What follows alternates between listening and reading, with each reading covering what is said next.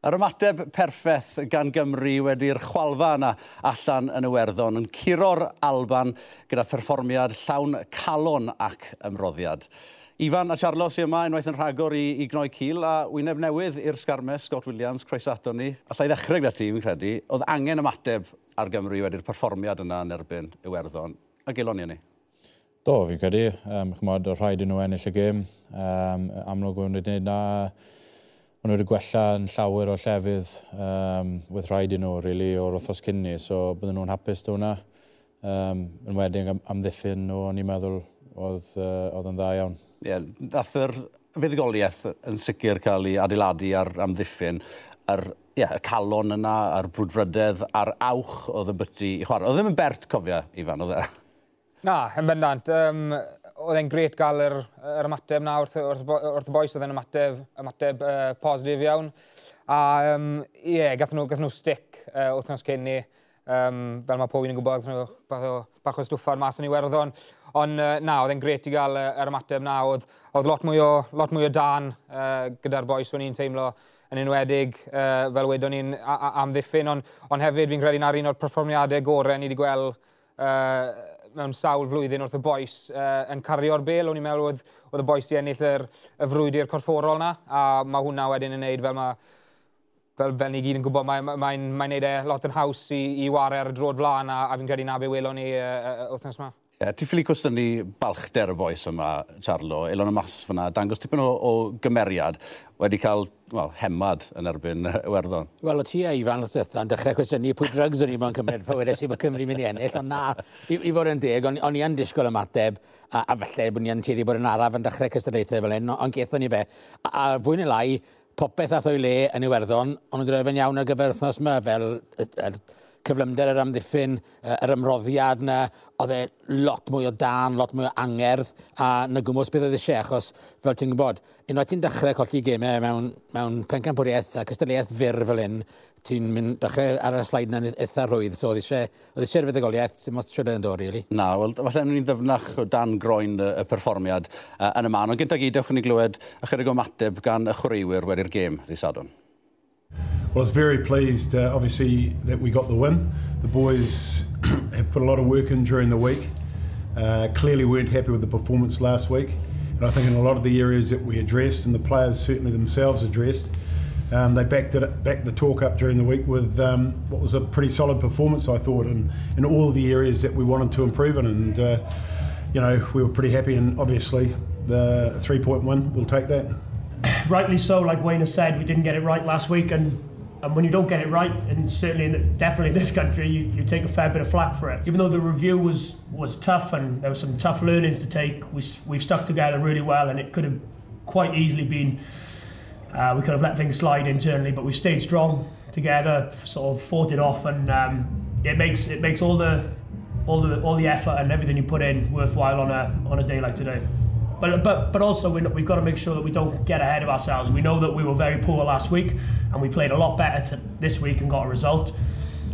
But again, it's it's about making sure that we build on this now, as opposed to thinking that we've we've cracked it and then we can take our foot off the gas next week. We, you know, next week's a rest week, but it's really important that we we knuckle down and, and prepare for England as well as we can. Doedd e'n berfformio tipyn gwell yn, uh, yn erbyn yr Alban yr wythnos yma i gymharu yr wythnos wetha. Ni wedi cyffwrdd arno fe eisios, Ifan, ond roedd am ddiffyn yna yn, yn ffantastig, ddi sadwn. Ie, yeah, fi'n credu na'r na, un o'r pethau nath sefyll mas gyda, gyda Cymru ar ar y penwythnos, ar y penwythnos wedd, wedd cyflymdra, cyflymdra y llinell na, off, off y llinell, sori, a, a nhw wedi rhoi Finn Russell o dan lot o bwysau, a oedd e ddim wedi cael y, y lle oedd e moyn, a oedd e wedi, wrth chi lle gweld, oedd e wedi colli benne bach, oedd e wedi cael y carden felen, a, a, a mae popeth uh, mwy neu lai yn mynd trwy uh, Finn Russell gyda'r gyda, gyda Alban, a, a wedd, wedd Cymru'n bendant i targedu hwnna, ond ond na, pob clod i, i Cymru, wna'n i meddwl oedd yr ymddiffyn uh, gyda'r uh, cyflymdra na oddi ar y llinell uh, yn wych, a wedyn hefyd nhw wedi, pan maen nhw wedi cyrraedd yr, yr llinell na, nhw'n o'n nhw'n ennill yr, y frwydr corfforol na, a mae we, we hwnna'n gret i welwyd. Siarantir uh, Finn Russell fyna, Scott, mae fel mae Ifan wedi cyffwrdd arno, mae popeth da am byty'r Alban yn amgylchynu o gwmpas y bachan yma, ond yn dactegol gath Cymru yn gywir. Mynd dan croen um, Finn Russell yw'r ffordd i, i giro'r Albanwyr. Ie, yeah, oedd yn amlwg, uh, fel Ifan yn gweud, na beth o'n nhw wedi targedu oedd, oedd mynd ar ôl e, chymod un oed ar y kick-off, so nhw'n kick-off straight y benne a, a rhoi uh, y pressure na ar nogau i, i kick-o'r pêl mas. Gathen nhw charge down o un o'n nhw a fel y ti'n gweud, um, er, wel, yr wythnos cyn ni, um, chymod, da Johnny Sexton, fi siŵr o'n nhw na beth o'n nhw'n treial wneud, ond nath nhw ddim ben a wneud e, a, a wedi Johnny wedi cael chymod, gêm arbennig, so um, sy'ch chi'n cymeryd yr amser na bant, o, o boes fel na, um, Finn Russell a, a Sexton, chmod, maen nhw ddim yn gallu e, e, wario gym ein enw. Nid yn unig yr uh, lein amddiffynol yna'n ennill y, y frwydr gorfforol, ond ardal dacl yn bwysig iawn yn y, yn y gêm yma, a nilon ni bywyd yn hunlle i'r Alban. O, gollon o Matt Vegas yn yn gynnar, nath hwnna effeithio ond nhw, achos o'n i'n ddod breu am waren dda toth, nos mae fel nath e, fel nath e mynd Lloegr, ond fi'n credu oedd e- yr elfennau gosod i gyd, oedd y scrums yn mynd yn dda, a gethon nhw ddim i cosbi fel wnaethon nhw ebyn Iwerddon tro yma, a dwi'n siŵr i Gregor Townsend felly'n dyfaru bod e wedi newid yr eng flaen tro hyn, felly bod Sutherland um, a Ferguson yn wyllt sgrymwyr, bod e, bod e felly meddwl bod, bod Sgwman a Nel yn mynd i gario fwy, a felly ddyn nhw wedi bod yn fwy handi yn yr ail hanner pan, pan geodd yr Alban y siop blan felly i'r raddau. Ond, a sgrym Cymru'n dda, oedd y leiniau mynd yn ffain, a fel ti'n gweud, ardal y dacl, a mwna mor bwysig unwaith ti'n dechrau ennill yr, y brwydrau corfforol yna, y gwrthdrawiadau yna, ti ar y dro'r flaen, a wedyn mwynhau'n gallu rhoi'r yr opsiynau wedyn i, i bigs yna, lle bod e'n redeg neu cico neu beth bynnag, mae popeth gymryd yn haws, a, a fel a welon ni ddian, oedd, oedd eisiau'r cyflymder yn ôl yn y gêm yn, yn y bygetho ni. Na gyd bod e'n rwolwr yn gofyn amdano yw'r sylfaen yna, sgrym ar leiniau, a dim syndod taw Ryan Leias gath seren y gêm, gath e, gath e berfformiad arbennig iawn.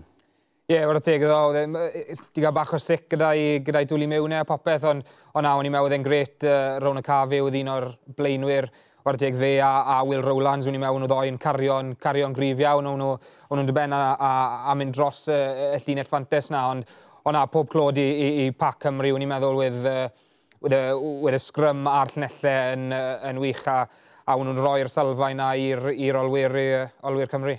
Ie, yeah. o, o ran yr olwyr, falle wneud y perfformiad mwyaf um, cyffroes o ran yr ymysodiad, ond Dan Bigger yn gwbl allweddol i lwyddiant Cymru ar y penwthnos, Scott. Ydy, a, a flam a wastad wedi bod. Mae'n rhoi cant y cant yn popeth mae'n neud.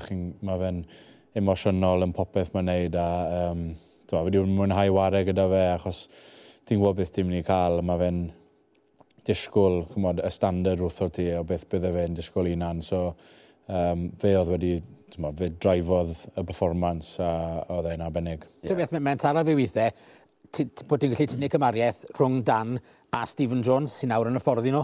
O Steve Gwmbos rhywun peth, oedd e wastad o'r cant a cant, o ti'n cael popeth mas oedd fe. Oedd e'n cael ei fyrniadu weithiau, bod e ddim y, tymod, y rhif deg mwy, mwy a flash yn y byd, ond oedd e'n neud pethau'n iawn a oedd e yn gallu reoli gemau a na gymwys beth nath, beth nath Biggs drwy'ma. E. A'n fwy na dim byd, na beth oedd angen ddo, ddim angen uh, disadwn, ddim angen y, y perfformiad um, greinus yna pert buddigoliaeth oedd angen, mm. a, a dyna beth ti'n cael gan, gan Dan Bigger pan mae, pan mae yn y Cris yna, cant y cant. Ydy, a fel y ti'n gweud, mae y lefel y gêm na gyd y beth i ennill. Uh, so, na beth oedd rhaid nhw'n wneud yn wedig ar ôl yr wythnos cynni. So, Um, fi credu ar ôl y gêm wedi dde un o'r gymau uh, mwyaf gorau mae ennill wedi ennill. So, fi'n credu jyst achos y pressure oedd, oedd ar y gêm na, uh, a oedd e captain, um, fi'n credu na pam oedd e mor falch o'n wedi ennill. A hefyd, falle rhyddhad bod e yn amlwg un o'r pwyntiau trafod mawr oedd y, oedd y gic, y gol adlam yna, Um, dadleuol, ond... Ie, yeah, fi'n fi dal ddim yn siŵr o'na. Fi'n cyfiawnhau, wel, y fuddigoliaeth wedi okay, dod oherwydd herwydd hynny. fuddigoliaeth yn y pen draw, ond wedi gweud ni... Mae'n bwynt cost. E, Sefyd jyst dwi'n tymod bod nhw'n ffili torri nhw lawr, bod dim byd yn digwydd, perffaith, ond oedd cic os bydd ddod. So triffwynt hawdd i gael, so man a man ti drial rhywbeth ar yr, ar yr un play extra yna, to, bod, na lle bod ti'n rhoi'r bel mas yn llydan cross kick neu beth bynnag, uh, ond yn y pen draw weithio dde, felly, ti'n A fel oedd e'n gweud, fe wedodd ar diwedd y gêm, sa'n becso ni byd ni di ennill. Ti'n gallu deall pan fydde Liam, pan fydde Sandri bach yn, uh, bach yn grac gyda Biggs fyna? Ie, uh, yeah, dw, ond uh, amser chi'n wario yn y lefel na, y teimlad sydd dan nhw ar y ca, byddwn ni'n meddwl, da bigger oedd, ond nhw jyst yn moyn mynd ar y flan. Mm. So, ie, yeah, wedd y kick-osp dan nhw, a bydde fe wedi cico hwnna, dim problem. Um, ond, chymod, o'n nhw'n kind of ddim yn mynd i mynd man, allan nhw wedi treial rhywbeth, ie, yeah, falle dyn nhw wedi, ond mae'r ma decision making sydd â chi yn y pryd. As a bod ti... Mae'n ma teimlo fel a, chymod, a oedd e jyst wedi mynd am e a wedi cael e, a fel hwnna ennill o'n o'r gêm. Yn cefn i meddwl, so... ti'n rhaid, so eisiau colli'r penalty advantage chwaith. So hwnna'n digwydd wedyn, bod ti ddim wedi mynd am y triffwynt. A fe pawb yn gwybod pam nath yna, de, pam nath yna ennill y gêm gyda. Roedd cael dwy shot arni, achos sef wedi misio'r gol adlam oedd yn gwybod bod cic yn dod. A un peth dwi wedi sylwi gyda Jack yw, mae fe'n ma, ma chwaraewr sy'n môr gystadleuol, mae fe moyn, mae fe moyn ennill popeth, a um, allai fe fod yn, yn drills bach i wneud ar ochr, ochr y can yn ystod ymarfer, mae fe mo, o hyd moyn ennill popeth, a, a mae fe'n ma fe un o'r chwaraewr yna, falle sydd ddim yn, sydd ddim yn enfawr o, o, o, gorff, ond mae fe'n rhywun sy'n punching above his weight, allwn ni weid. Mae fe'n rhywun sy'n sy ennill yr, uh, y frwydr corfforol na, yn wedig yn ymddiffyn, perwch gafin rong, mae fe'n ma gret gyda, gyda uh, uh, bel yn ei ddwylog e, ond fi'n credu nawr un o'r pethau sy'n neud i, i Jack i sefyll mas yw'n bendant i amddiffyn e, a fi'n credu yw'n wedi gweld na ar, ar y penwythnos. A o hyn fi'n cofio, fi'n credu o ti'n gweud bydde ti'n licio gweld Jack yn dechrau'r gêm gyntaf, mae wedi cyfio'nhau i, i ddewis yn erbyn yr Alban, a fi'n siŵr bydd e yn, yn, rhan o'r tîm ar gyfer y gêm yn erbyn, yn erbyn Lloegr. Ni wedi edrych ar y pethau positif, boys, ond mae rhaid i ni nawr troi'n golwg ni at un o'r pethau. Oedd wedi siomi fi'n fawr iawn, dy beth, a fi'n i ddechrau gyda ti o Sky Scott. Oedd yr ymosod yn ddi fflach unwaith yn rhagor. Fi'n gwybod, falle, oedd e'n well nag yr oedd yn erbyn Iwerddon, ond dys yn llawer o ddychymig o'na. Um, Ie, yeah, chymod, gathen nhw ddim not a chance ar y pythnos, a fi'n credu fel oedd y gêm yn mynd i mynd, um, chymod, y, y gymaint o pressure oedd ar y gêm, o rhaid nhw dys ennill, so unrhyw ffordd o rhaid nhw'n wneud e ar y penwthnos. So falle na pam oedd i ddim wedi gweld sy'n gymaint o hwnnw falle. Um, cwpl o boes wedi dod mewn sydd ddim wedi wared i gili am bach, falle mae hwnna wedi cymeryd tymed bach o rhan mewn e, ond maen nhw'n gwybod taw, um, mae rhaid yn nhw gwella yn, yn y man na, a um, na beth bydden nhw'n gweithio arno nawr i'r gym nesaf. Yeah, perfformiad ceidwadol iawn, ond nes ti gyffwrdd fyna ar holl newidiadau yma. Wyt ti'n meddwl bod hynny'n rhan o'r broblem, bod yna gymaint o wynebau newydd, cyfuniadau gwahanol yn digwydd o un wythnos i'r llall? Dyma bach falle. Um, chymod, chi'n mynd i cael anafiadau yn y gêm a mae llawer o boes mas ar y foment, ond um, just mynd off fel cnorwr neu rhywun fel Ifan yn, yn y pac, fel chi'n moyn do'n iws i uh, pwy chi'n wario gyda. So, y mwy o gemau maen nhw'n cael gyda gili a gorau maen nhw'n mynd i um, uh, gwella, really. So, falle cymeryd tymau bach o, o rhan mewn neu e. Ie, yeah, fuddugoliaeth oedd yn bwysig. Perfformiad ceidwadol, dim lower o rygbi'n cael ei chwarae. Be wneud di o ymosod um, Cymru ar y penwthnos, Charlo? Mae fe'n becso fi ar y funud. Ni wedi sgwri doi gais mewn, mewn dwy gêm. Mae, mae Lloegr wedi sgwri wech. Mae Ffrainc wedi sgwri saith. Mae Iwerddon wedi sgwri saith. Os mae Iwerddon di war yr eidl to. Felly mae, mae lot o geisiau dyn nhw i ddod yn y banc. A, a mae hwnna yn becso fi, achos ie, ennill sy'n bwysig, a dda ni'n dwlu myd i Lloegr, triffwyd i ddim, dda ni ddim yn becso o gwbl, ond sa'n gyda bod ni'n mynd i. Fi'n cydi bod rhaid ni ffind o ffyrdd eraill i fyddi nhw. A yn anffodus, o'n i'n gweld bod e digon bygythiol yr, yr ymosod, o'n i'n mynd gros, o'n i'n cadw meddiant, o'n i'n mynd trwy'r cymalau, ond eto i gyd, o'n i ddim yn torri'r llinell na o gwbl. Felly ar y funed, mae hwnna a'r diffyg amrywiaeth. Erbyn Iwerddon, falle eisiau fwy o cic bach dros yr ymddiffyn, achos o'n nhw'n dylan mor gyflym a, a sain ar y funed yn gweld bod y patrymau yna i, i ni gael ceisiau, a, a hefyd bod ddim chwaith yn meddwl ar y pryd yn mynd i fod yna. Nawr, fel o'n i'n gweud, o'n i wedi bod, bod Dan Bigger yn wych, oedd e eisiau bod mewn am siawt amser yn y gêm fyd, wyt ti'n cael fwy o are rydd off Callum Sheedy, ond os daw Dan i'r capten, wel mae fe lawr ar, ar y tîm Sheed gynta.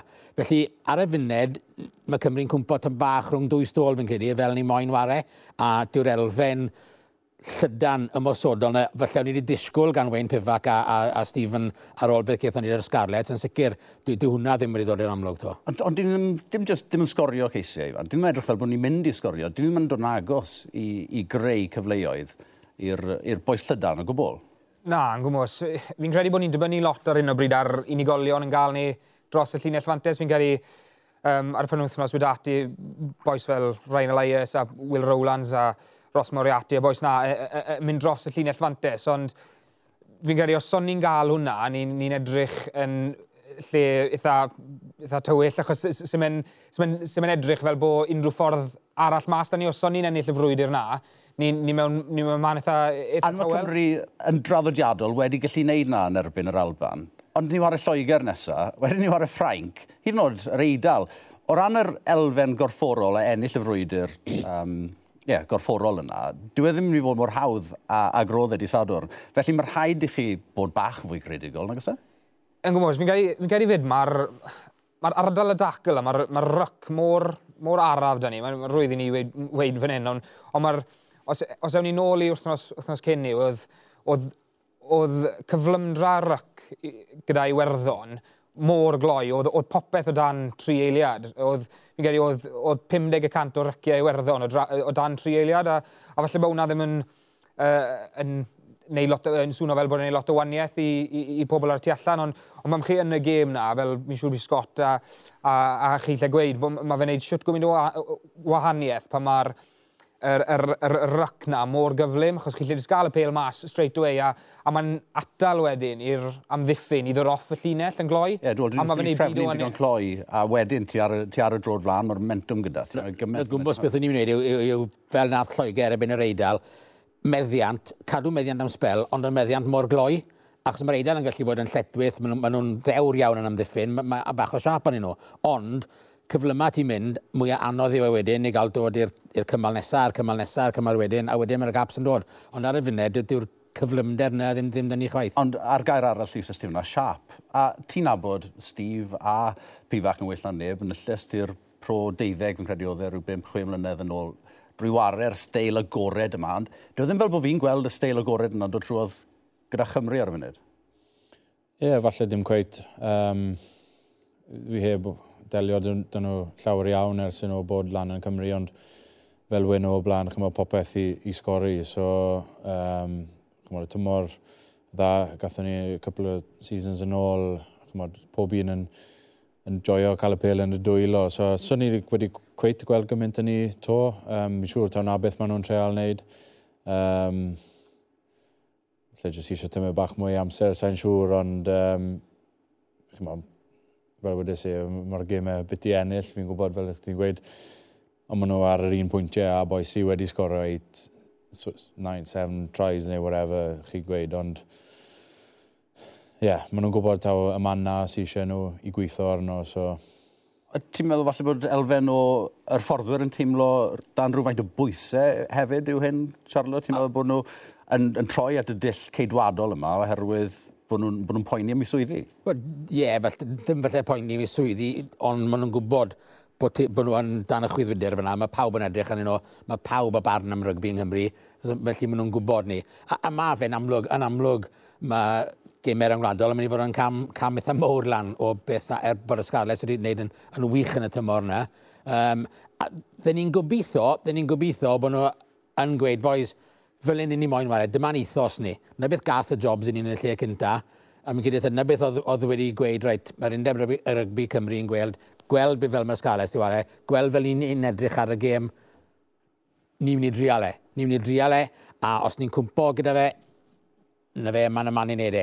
Yn ytrach na bod nhw'n gweud, oce, okay, boys, mm, dim cweit yn gweithio fel ni moyn i fe, newn ni just gael siop a newn ni drial ennill gymau. Ddew allai fi wel, wel nhw yn tîm y mas a wario rygbi Os ti'n colli wedyn, wel, oce, okay, ffain. Pan mae momentum dati a chi ar, ar y drod flan, na pryd chi gallu gael cyfle i, i, i twli'r bel o gwmpas, a, a fi'n credu falle na mae Cymru'n miso ar un o bryd, achos na sy'n really entertaining, fel, fel chi'n gweud, yw pan mae pa ma chwaraewyr yn taflu'r bel o gwmpas a chi'n gweld um, chi'n gweld pobl yn redeg hyd y ca.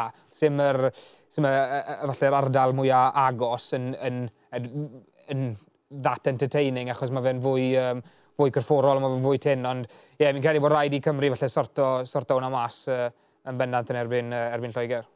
Wel, dewch i ni gael ymateb Albanaidd nawr, cyn ysgellwr y Scarlets a'r Alban, Sean Lamont. Sean, siwmai, mate? Siwmai, mate, I'm very well. That is the extent of my Welsh, I think. Oh, the, excellent, the mate. Wait, I've, I've heard worse, like, I've heard worse.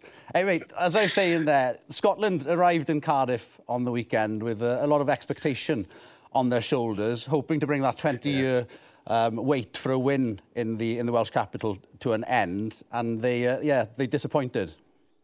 Uh, yeah, I didn't quite realise it was 20 years. Um, uh, it's, I, they, uh, Cardiff's a tough place to go, and obviously off the back of Wales' last week's performance, you guys really want want a result and a reaction. And to very, you got it. Wales do what they do very well, and it's not always a lot of flair, but they defend well and they, they, capitalise on your mistakes. And unfortunately, um, Scotland went firing, and it's probably just one or two too many mistakes, and and that's literally what's won the game. There's quite, quite a scathing attack on that um, that Scottish performance in the in the Scottish media as well, wasn't there? Some oh, I shock. Tom Tom English was saying was it the uh, it was a putrid performance, an absolute shambles. Um, is that harsh or, or, or is that fair enough? Uh, I think it's harsh. I always think the, the Scottish media love to jump on it all, especially off the back of the hype of last week. And it's like, and there's they've got a little bit of um, say so because Scotland need to start backing up results. It's a, it's a massive factor. Um, we'll have one one good result and then just fail to build on it like we like we, we should. Um, it's the way it's been for a long time. Is I've had many similar results playing and and doing the same. You get a good win, but just not quite get on the roll with it. Sean Scotland seemed far more conservative in the second half. Was that a matter of them stopping to play, or did Wales manage to stop them from playing? I think it's a little bit of both. Uh, I guess that whole snowball effect. If if Wales are stopping you, sometimes they go in your shell a bit. Um, I know from some guys in camp saying they didn't play to the structure that they wanted to play, and that's one of the things that if even if you want to play a certain structure, if the defence is stopping you from doing so, then if you don't have anything a B plan, or if it's not quite going, you, you can get drawn into your shell. So you just got they've got to be careful and, and back their ability because they, they do have good attacking structure and they have the, the, the, moves and everything else and the players. Um, but why they didn't, I, I don't actually know. And it was just again a bit of a shame for again saying not backing up that result from from last week. Obviously, a fallow week now for the for the Six Nations, but Scotland welcome uh, France now to Murrayfield in, in a couple of weeks' time, and a perfect opportunity to get back on that horse. And they'll be backing themselves. Obviously, they, they did it out in Paris last season. They can certainly win this game. Yeah, definitely. Again, it's, it's always Scotland. We can we can beat pretty much anybody on our day, uh, provided we get everything right. Um, it's the same with, with most teams. If you're not not in the races, then you'll get absolutely beaten, especially in, in this tournament. Uh, it's, it is a tough tournament overall. Uh, every team that comes can beat anybody on any given day. Um, and yeah, obviously, hopefully we'll get this the same sort of uh, reaction as you did, guys did to us last weekend. Just there, we need to now get back on the horse and, and get a good performance and the be all end all. Even if it's a poor performance, we need to get a win. Well, Sean, I really appreciate your time today, mate, and thank you very much for getting dressed up for us as well. Uh, lo loving that stash, mate. Good man, diolch yn fawr. Uh, Miss Scarlett's for there. diolch yn fawr, mate. Diolch yn fawr. Cheers, mate. Cheers, guys. Look after yourselves. Ia'r Alban yn siomi unwaith yn rhagor, a mae'n mynd i fod yn dipyn o, o dalgen caled iddyn nhw'r wythnos nesaf yn erbyn, uh, yn erbyn Ffrainc. O'n nhw'n edrych yn dda ofnadw, Charlotte, nos, uh, nos Sadwrn yn erbyn Iwerddon. Er gyda nhw bach ofon, o'n nhw'n glir ar y blaen ar un adeg, a na beth oedd gem, 8 munud cynta'r gem na, jyst yn wallgo. A pawb yn disgwyl falle da honna fydde'r gem gorau'r gystadleuaeth, a nath i ddim siomi o gwbl. A wara teg i Iwerddon. Nethon nhw stico ti a dal i war rygbi a dod nôl, ond um, mae fwy am wyty Frank dyddi yma, na, na sydd wedi bod ers brynydde a, a war y teg, um, hyddi bod, hyddi bod lan ar uh, top y ben cymhwriaeth ar y funud. Do, oedd e'n dipyn o wahaniaeth mewn safon. Wedig, o'n i newydd ddwylio uh, Cymru yn chwarae yn erbyn o'r Alban, so dyn reit chi'n dechrau gwylio'r gêm yma yn y Stade de France. Oedd hi'n gêm, uh, gêm brawf arbennig iawn. Wedd, a môr cyfforol. Uh, Mi'n siŵr oedd boes yn dost uh, ar ôl y gêm. So, na, fel ych chi'n gweud, uh, gêm arbennig i gwylio. Chymon, 22-7 lawr yr un pwynt a dath i werddon nôl yn arbennig a allan nhw wedi ennill y gêm yn y diwedd. So, um, y doi tîm wedi rhoi performiad arbennig mewn. O ran uh, Lloegr ar Eidal wedyn nhw'n chwarae prynawn dydd Sil, perfformiad greinus gan, gan, gan Loegr. Yn edrych yn gyffroes iawn ar hynerin anwedig. O'n i'n gyffroes iawn yn gweld Harry Randall a Marcus Smith yn cyfuno. Ie, yeah, yn sicr, yn gyrru nath um, a Lloegr popeth o, o rhain nhw'n neud yn, yn dda. Oedd, oedd y llinell yn dda dyn nhw, a, a, a ie, fel wedwch chi, oedd um, Marcus Smith a, a Harry Randall um, ddoi crwtyn ifanc, ond uh, o'n nhw'n bendant i uh, roi llaw lan am, uh, am, uh, am, well, am, am, am, am y gêm sydd oedd i uh, penwythnos wythnos wedi, pan wythnos nesaf, bennant am y dyfodol fyd. Y Lloegr, maen nhw'n esblygu yn dyn nhw y ffordd maen nhw eisiau chwarae, a hynny i gyd yn cilchdroi o gwmpas Marcus Smith fel mas. Ie, yeah, mae'n bwysig, ond on, uh, fel oedd Ifan yn gweud, a fel ti'n gweud, uh, Harry Randall fyd, ar bel gyflym unwaith to, a jyst pas fachferdo mewn ar blaenwyr, mewn ar blaenwyr, a wedyn mas i Marcus Smith. A wedyn teg, mae gweledigaeth gyda fe ar y fened, e, mae'n gallu gweld, mae'n warau beth sef flanau, mae'n gallu gweld ble mae'r lle tu fas i'r amddiffynwyr.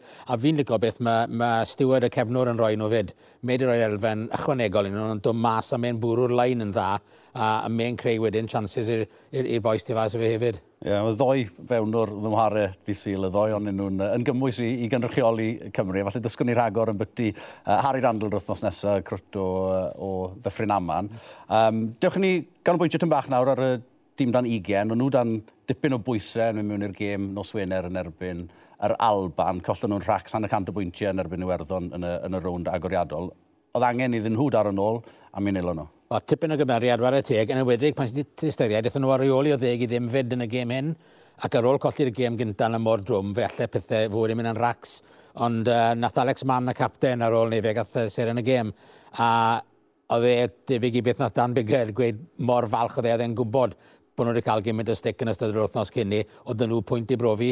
A, a war y teg, oedd e'n neis gweld nhw. A i fi, y boi nath argraff fwyaf, a'r boi bwrodd y lines gorau o neb o Gymru trwy'r penwthnos, oedd Joe Hawkins yn y canol yn sgwr un cais a, a creu'r llall, a e'n gret i weld yr amseru a'r, ar ongle oedd e'n bwrw. Ie, yeah, Hawkins, mae'n mae slabyn y fwy, a mae'n gallu dewis ongl hefyd, Scott, a ti'n ti nabod eitha da? O, wedi wario, ti'n mynd bach dy fe, a Um, chymod, chi eisiau gweld bod e i, i wario ar, uh, i'r Ospreys a chymod, amser yma dwi'n mynd nôl i lefel na y waniaeth uh, sydd â fe. Um, Mae'n ma cwrffin o fwy. Um, ond mae'n gallu chwarae'r pel fyd, wel, welwch chi, gyda'r gyda offload na i creu yr ail cais. A, um, yeah, mae fe'n uh, chwaraewr arbennig. Wel, wythnos hesp nawr i, uh, i Gymru, i'r chwe glad wrth gwrs. Felly, y gêm nesaf i ni, wythnos i ddi Sadwrn, yn erbyn Lloegr, Ifan. Sio ti'n gweld honna'n mynd? A, a pa newidiadau falle sy'n angen i, i Pifac edrych ar wneud rhwng nawr a, a pryd hynny? Ie, uh, yeah, fi'n credu bydd hi'n talcen digon caled i, i, i, i Cymru fe'n lan i, i Twickenham yn, yn enwedig gan bod e, gan bod e lan fyna.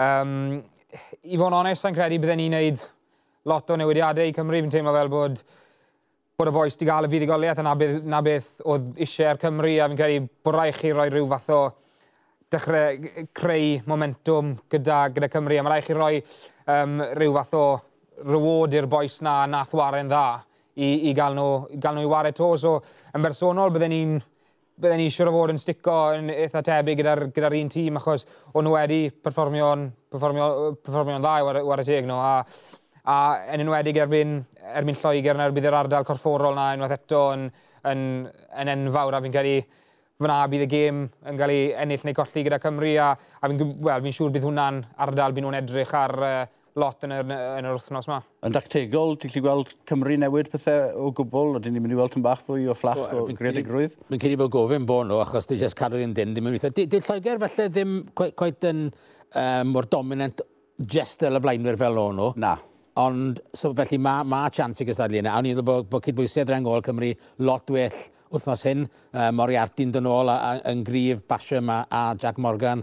Ond on i licio hwnna a Will Rowlands a Ryan Loyes, Paul wedi sôn amdano fe, amdano nhw yn barod, ond bydd eisiau bod nhw'n ei gwmwys ni peth, ond bydd rai bod ni'n cynnig fwy, bydd rai bod ni'n cynnig fwy, a hefyd bydd rai bod yr amddiffyn ar i orau reit o'r dechrau, achos mae lot o gyfnodau mynd i fod, mae ma Lloegr yn mynd trwy lot o gymalau, Felly bydd rai bod ni'n cadw canolbwyntio, achos ni'n mynd i fod heb y bel am lot o'r gêm na ni'n meddwl. Mae un beth sy'n sicr, bydd y teimlad o fewn y garfan ystod y pethefnos yma yn arwen i fyny at y gêm. Dipyn well o bod bod nhw wedi curo yr Alban. Mae'r ma, un fuddigoliaeth yna yn, yn y cwdyn yn barod, a maen nhw'n clu mynd i, i, i Loegr gyda rhywfaint o beth. Ydyn, a ni'n gwybod fe mor fawr yw'r gêm uh, Cymru Lloegr. A wedi bod yn ffodus i bod chymod, yn y garfan amser chi'n mynd lan i Twickenham a mae records i Daniel yna ddim yn ffolio, mae ma lot o boes yn y tîm yn gwybod beth sy'n eisiau gwneud i ennill lan na, so mae teimlad y fi bod ni'n mynd i ennill. Do, wedi ti ar y dechrau. um, fi'n credu bod ni'n gallu gwneud e, achos fel o'ch chi wedi gweld ar y penwthnos, chymod, yr, yr urgency na, yr, yr want na o dda'r boes i ennill y gêm. Os maen nhw'n gallu gwneud hwnna to, a gwella yn y mannau eraill eto, fi'n credu bod chawns dyn nhw bilco na. Gorffen y pod ar, ar nodyn uchel a positif. Scott, diolch yn fawr i chi, a diolch yn fawr i uh, eich eich doi unwaith yn rhagor hefyd. Wel, dim rygbi rhwngwladol y penwthnos yma, ond mae digon o, o rygbi ar Esbrec dros uh, y penwthnos. Nos i iau, uh, yr indigo prem Casnewydd yn erbyn Pontypridd ar y gwefannau cymdeithasol am hanner awr wedi saith. Yna brawn dydd Sadwrn, y gweil choddi cartre yn Lenster, y gynt ar gyfer gêm yna toc wedi 5 o'r glo gloch ac yn syth wedi'r gêm yna uh, Scarlets wedyn yn, uh, yn herio conacht ar barc y Scarlets. Felly digon o rygbi ddod ar Esbrydrec y penwthnos yma, ond byddwn ni'n ôl gyda chi unwaith yn rhagor ar y sgarmes ddigidol wythnos nesaf.